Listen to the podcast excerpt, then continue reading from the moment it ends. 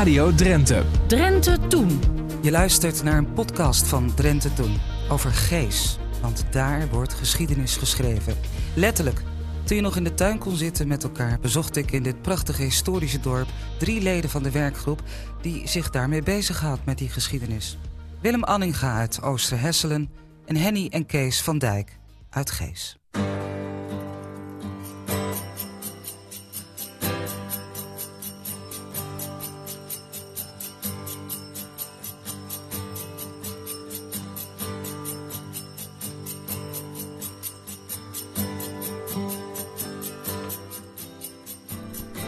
Ja, dat denk ik wel. Alleen niet met mais natuurlijk. Want mais is natuurlijk nog niet zo oud. Maar verder, ja, dan werd hij natuurlijk al uh, geoogst vanaf, uh, nou ja, eigenlijk al vanaf uh, de prehistorie. Ik bedoel, hier rondom Gees heb je Celtic Fields, dus uit de ijzertijd. Hier op de S is de verwachting dat hier het dorp is begonnen. Dus hier, hier voor ons. En ja, daarna, zeg maar vanaf de 10e eeuw, hebben hier toch wel mensen gewoond. Gees is een, uh, een toeristisch dorp met, met nog twee boeren. Terwijl in, uh, in 1970 hebben we net een soort inventarisatie gemaakt. waren hier nog 90 boeren in het dorp. 90. En, uh, en nu zijn er nog twee. En nu zijn er twee grote en dat waren allemaal 90 kleintjes natuurlijk. Nou, zeg maar het echte dorp Gees. Denken we dat het, nou ja, de eerste, eerste indicaties zijn van het jaar 944. Waar iedereen de schuldmudders had je hier ook een stuk of zes. Dus je had hier zes hoevers, zeg maar, volgens, volgens die eerste, eerste onderzoeken. Had je zes hoevers op, hoevers op, de, op de S staan. En, uh, en daarna weten we dat in ieder geval in 1024 dat keizer Koenraad land heeft geschonken aan de bisschop Adelbold in Gees. Dus toen was er dus ook al land in ieder geval. En de eerste huizen weten we van 1207. Dus de eerste, eerste bisschopshoven, zeg maar, die staan hier in het centrum iets verderop. Wat was bijzonder aan dit stuk land? Het was in ieder geval hoog. Het was langs het water. Dus in de, in de oude onderzoeken, de onderzoeken zeg maar ook van de prehistorie, merken we dat overal settlements geweest zijn op de hoge plekken langs het water. En dat kan een riviertje zijn, maar het kan ook een pingelruïne zijn. En, en dat begint al met de eerste jagers zeg maar, van 12.000 voor Christus. Waar die drie plekken waar fondsen zijn gedaan. En dat zijn echt hoge plekken langs de rivier of langs een, bij een pingelruïne. Daarna zie je dat steeds verder gaan en steeds is het hetzelfde patroon. Tot in de bronstijd wordt het wat groter en wat breder en dan wordt het bos hier waarschijnlijk gekapt. Het bleef niet altijd op dezelfde plek. Ze gingen, als het dus de grond waarschijnlijk uh, minder opbracht, dan gingen ze een stukje verder. Want als je die, die Celtic Fields, wat Kees het over had, in Staatsbos uh, ziet, dan hebben ze hele grote plekken eigenlijk waar ze overal geweest zijn. Dus, en de Pinkelruin is hier, maar, maar die, die, die Celtic Fields die liggen aan de andere kant van Gees. Er is wel een groot gat. Dus ik zeg maar, je, we weten, hebben nog vondsten uit de Romeinse tijd. Dus net na de jaartelling. Maar dat, op een gegeven moment houdt dat op. En de eerste indicaties van bewoning, dus zeg maar vanaf de eerste eeuw tot aan de negende eeuw, daartussen zit helemaal niks. Er zijn geen vondsten. Of er dan geen mensen gewoond hebben, weet ik niet, maar het zijn in ieder geval, er zijn er geen indicaties van dat die mensen hebben gewoond. Maar in de negende eeuw dus wel. Ik ga even met uh, sneltreinvaart door de tijd heen. Keizer Koenraad, wie is dat? Keizer Koenraad is, uh, is de Romeins-Duitse keizer. En die, uh, die schenkt aan de bisschop van Utrecht dit nou, in die tijd dat er veel meer geschonken werd aan die bisschoppen. Dus al die keizers die schonken, schonken land en eigendommen aan de bisschop van Utrecht. En wist hij wel wat hij weggaf? Was het een waardevol stuk land? ja, jullie lachen erom, maar... Ja, dat, dat, nee, dat, dat weet je niet natuurlijk. Hè. Dat, er staat niet precies beschreven wat, er, wat hij nog weg heeft gegeven. En waarom hij dat weg heeft gegeven natuurlijk. Om, uh, denk ik, uh, genoegdoening ergens voor. Dat weet je natuurlijk niet. Henny? Wat ik er wel over gelezen heb, dat uh, de Drenten die waren ook wel een beetje opstandig. En uh, het was soms voor de keizer ook wel handig als er iemand uh, een beetje macht had die er wat meer bovenop kon zitten. Ja, daar zijn documenten van. Dus dat eerste document van keizer Koenraad, dat zit in het archief van Utrecht. Maar daarna, uit 1207 en 1217, dan komen de, de eigendommen eh, van de heerlijkheid Ruinen, of van de abdij van Ruinen, eh, die komen dan voor de dag. En daar, zit, daar zitten huizen bij, hier in Gees. Ja hoor, de plekken weten we. De huizen natuurlijk niet, want die huizen zijn... Ik bedoel, wij verwachten dat de huizen allemaal afgebrand zijn in die oorlogen met de Staatse en de Spaanse troepen. En, eh, je merkt ook gewoon dat hier is geen huis ouder dan het eind van de 17e eeuw. Erven zijn er nog wel, hè? Van die erven wordt natuurlijk al veel eerder gesproken eh, in de archieven. Dus die plekken die zijn wel bekend. De, de, de, de, zeg maar de basis van Gees is exact hetzelfde als de eerste momenten dat wij weten van, nou ja, van de belastingheffing dat we kunnen nagaan waar mensen woonden. Dus dat is in ieder geval vanaf 1600 is de, basisopstel, uh, dus de basisindeling van Gees is exact hetzelfde. Er is wel een klein stukje nieuw bijgekomen, maar eigenlijk nauwelijks. Een beetje een andere bocht in de weg en zo. Maar het is nog heel herkenbaar. Heb je wel eens uh, een historische sensatie, zoals dat heet? Een historische sensatie? Nou ja, wij wonen natuurlijk nog niet, uh, zeg maar, niet zo super lang in Gees. Een, een jaar of tien nu.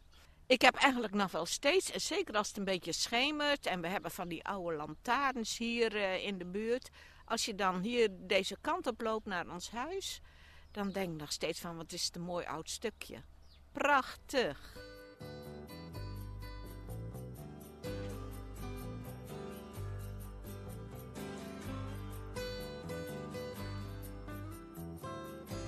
Toen we die droge tijd, zeg maar twee jaar geleden, toen, uh, toen ben ik gaan vliegen met een vriend. En toen vonden we een aantal grafheuvels hier, hier op, de, hier op de S. En ook dit jaar heb ik diezelfde grafheuvels nog weer teruggevonden. Maar dan niet van boven, maar van, gewoon op de grond, in het gras. Op, op de algemene hoogtekaart van Nederland, er zijn heel veel van die plekken gewoon zichtbaar. Dan kun je op, de, op een computer kun je die, uh, die kaarten kun je downloaden en dan kun je eigenlijk zien waar die plekken allemaal zijn. Dan ben jij een man van de foto's. Um, kijk, daar, daar heb je maar voor een periode van zo'n 150 jaar, ik doe maar een gok, iets aan. Hoe, uitdagend is het voor jou om met beeldmateriaal te werken? Want jullie beginnen echt bij het begin, als het gaat om de geschiedenis van Gees. Ja, wat er niet, niet, niet is aan foto's, dat proberen we dan via tekeningen. Dan maak ik tekeningen. Als, als Kees iets denkt uh, van, goh, er moet een tekening van komen, dan maak ik daar een tekening van. Zo bijvoorbeeld van, van de Klinkenberg bijvoorbeeld. En dat is Wat is dat, de Klinkenberg? De Klinkenberg, dat is ook uh, ja, in latere tijd eigenlijk dat die uh, van de geschiedenis van Koevoorde een, een, een, vestiging eigenlijk hier uh, bij Staatsbos. Dat is een, dat is een heuvel uit die tijd. En daar heeft vroeger dan volgens de gegevens een, een soort met kasteel op gestaan. En daar is verder niks van bekend. En dan maak ik daar een tekening van, een impressie van hoe het zou kunnen zijn geweest. Ja, precies. Ja. Dat is natuurlijk hartstikke leuk iedere keer. Dit, is, uh, dit wil ik je nog laten zien. Kijk, die tekeningen. Dit soort tekeningen maakt Willem dan. En dan is hier de Dorpstraat. Hier, is de, um, hier, loopt, hier wonen wij, langs de oude steeg. Kijk, en dan, dit is een kaartje uit omstreeks 1442. Dus toen was de Dorpstraat, de oude steeg en de Tilweg, die waren hier al. Ja, ja, ja, ja, ja. zeker. De Tilweg is zelfs een hele belangrijke weg, want dat is de doorgaande weg van Koevoorde naar het westen van Drenthe. Dus dat liep om de grote Echtende Venen heen. En, uh, en hier kwamen dus alle Staatse en Spaanse troepen langs. Het was een hele drukke weg, het heet ook de Heerweg. En dat loopt dan via Driebe en Mantingen loopt dat naar Ruinen en naar Dwingelo en naar Dieven. Dus naar de belangrijke plekken van Drenthe, zeg maar, vanuit Koevoorde. Ja, dit zijn dus hele oude hoven. En kijk, dit is, een, dit is het Schuringenhof. Schuringenerf, dat is een, een bischofsdomein, uh, of een domeinhof. Dit is het Helingenerf, dat is ook een domeinhof. Dit is het Eeftingenerf, dat stond er toen ook, maar dat is een, een allodiaal goed. Betekent dat? Uh, dat is een particulier eigendom. En dit zijn allemaal particuliere eigendommen. Dan is hier nog een huis. Dat is uh, van de kapittel van Sint-Pieter. En hier staat nog een, die is van de domkapittel. Ik denk dat het gewoon samenwerkte. Het waren allemaal boeren. Hier woonden geen ridders of zo, nee. In, dat is anders in Zwinderen. In Zwinderen, daar woonde een adellijke familie, de Van Zwinderens. Maar hier in Gees is dat nooit het geval geweest. Hier heb je nooit... Uh, kijk, in Oost-Ressel heb je dan nog de Klenken. En, uh, en de mensen van de Klenken, zeg maar. Dus die hadden een nauwe relatie met, uh, met de havenzaten de Klenken. Maar hier in Gees nooit. Het is altijd een arbeiders- en boerendorp geweest. Ook nooit hele grote boeren. is vandaag de dag wel anders, toch? De boeren zijn... Nou, grote, ja, middelgrote boeren, denk ik. Dus, uh, en, de, en uh, een van onze boeren, het zijn allebei uh, veehouderijen, melkvee. Die heeft er ook een geweldige ijssalon bij. Die maken de ijsjes van hun eigen melk. Dat is natuurlijk wel een hele grappige ontwikkeling. Ik ga even, ga even naar, naar Willem, want Willem, hoe maak je zo'n kaart? Ja, ik ben architect van huis uit. En dat tekenen, daar ligt me natuurlijk wel en ik vind het ook mooi werk. Uh, samen met Kees bedenken wij dan ongeveer hoe het geweest is. En dan, uh, dan probeer ik dat gewoon om dat uh, op een beetje schaal in, in, in, kaart te brengen. En dat doen we dan meestal zoals die van 1442. Maar elk jaargetijde, als er dan veel verandert, dan maak ik er een nieuwe kaart van om de ontwikkeling van het dorp ook uh, goed te snappen hoe dat is. We gaan nu uh, met 7 mijls laars naar 1832. Van 1442 is het enorm verschil. Ik zie ineens allemaal blauwe, blauwe blokjes op de kaart. En ook uh, het wegennet heeft zich wat meer ontwikkeld. Ja, dit, dit is... Kijk, hier zit dus 400 jaar verschil tussen en dan zie je dus het aantal huizen. Er is enorm toegenomen. Maar de structuur van het dorp is nog steeds hetzelfde. Alleen is in 1802, ja, de structuur van het dorp is nog precies hetzelfde. En, uh, en er zijn er gewoon boerderijen bijgekomen en er is een armenhuis bijgekomen en er zijn wat smeden bijgekomen en timmerlui. Maar in principe is het hetzelfde, maar meer. Staat jullie huis er al op in 1832?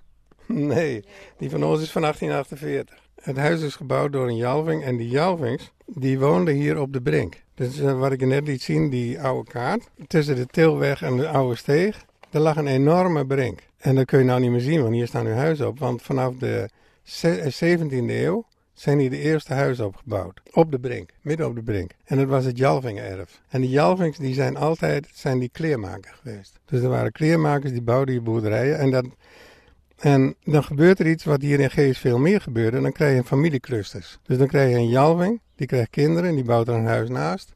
Die krijgen weer kinderen, of ze krijgen nog andere kinderen, die bouwen er weer een huis naast. En op een gegeven ogenblik heb je vijf huizen Jalvings. Dat is hier ook gebeurd met de Elvings. Dan krijg je een, een Elving die begint één. En dan komt er een nieuwe Elving en een oude Elving. En, een, en, en dan komt er ook zo'n zo'n familiecluster. Een soort extended families bijna. En hier net zo. Dus het hele dorp zit vol met, met van, die, van die familieclusters. En een van die Jalvings, die heeft in 1848 een dochter daarvan heeft met haar man dit huis gebouwd. En daarna is het uh, overgegaan op anderen. En op een gegeven moment woonde hier ook een kleermaker. En dat was uh, Harm Ekkelhoff. En Harm Ekkelhoff had een bochel. Dat was natuurlijk wel handig als je kleermaker was, als je een bochel had. Want dan zat je op, een, op het beuntie.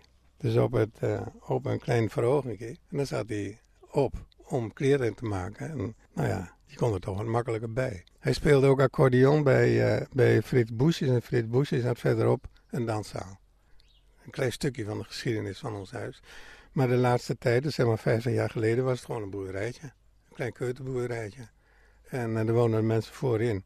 En de mevrouw die hier uh, toen gewoond heeft, die is hier ooit nog wel eens geweest om ons te vertellen hoe het in elkaar zat. Dus er zaten er vier koeien, er zaten wat varkens, er zaten wat geiten, er zaten achter in het huis. En voor in het huis had je dus de bedsteden en de, eigenlijk maar een hele kleine plek om in te wonen. Willem Anninga zit ook in het gezelschap. We hoorden hem zojuist te leven. Hij komt ook uit de buurt. Ik, ik kom eigenlijk van Oost-Elsbrug. Ik ben geboren op de plekje waar nu de sauna Spa-Bron is. Dus ik weet eigenlijk uh, van de geschiedenis van, de omgeving wel heel veel. Niet zo goed als Kees van de oude geschiedenis. Uh, ik ken natuurlijk heel veel mensen hier. We hadden een café vroeger daar. Dus ik ken heel veel mensen uit de omgeving en ook in Gees wel. En dat was hartstikke leuk eh, met ons pasfotoproject. Ik weet niet of je daar iets van weet. Maar uh, dat pasfotoproject, uh, dat is hartstikke leuk om de mensen op te zoeken wie hier gewoond hebben. Dat is een momentopname in 1942 natuurlijk. vanwege de Duitsers moest iedereen een, een, persoonsbewijs hebben met een pasfoto. En de zoon van de fotograaf, die woont hier nog in Gees. Dat is Freddy Jansen. En Gesines Jansen, dat was zijn vader, die maakte die foto's voor iedereen die maar wilde. Hij spande bij een boerenbedeel een laken. En dan zei hij, ga maar staan, dan maak ik de foto van. En zo doen. En hij heeft die negatieven allemaal bewaard.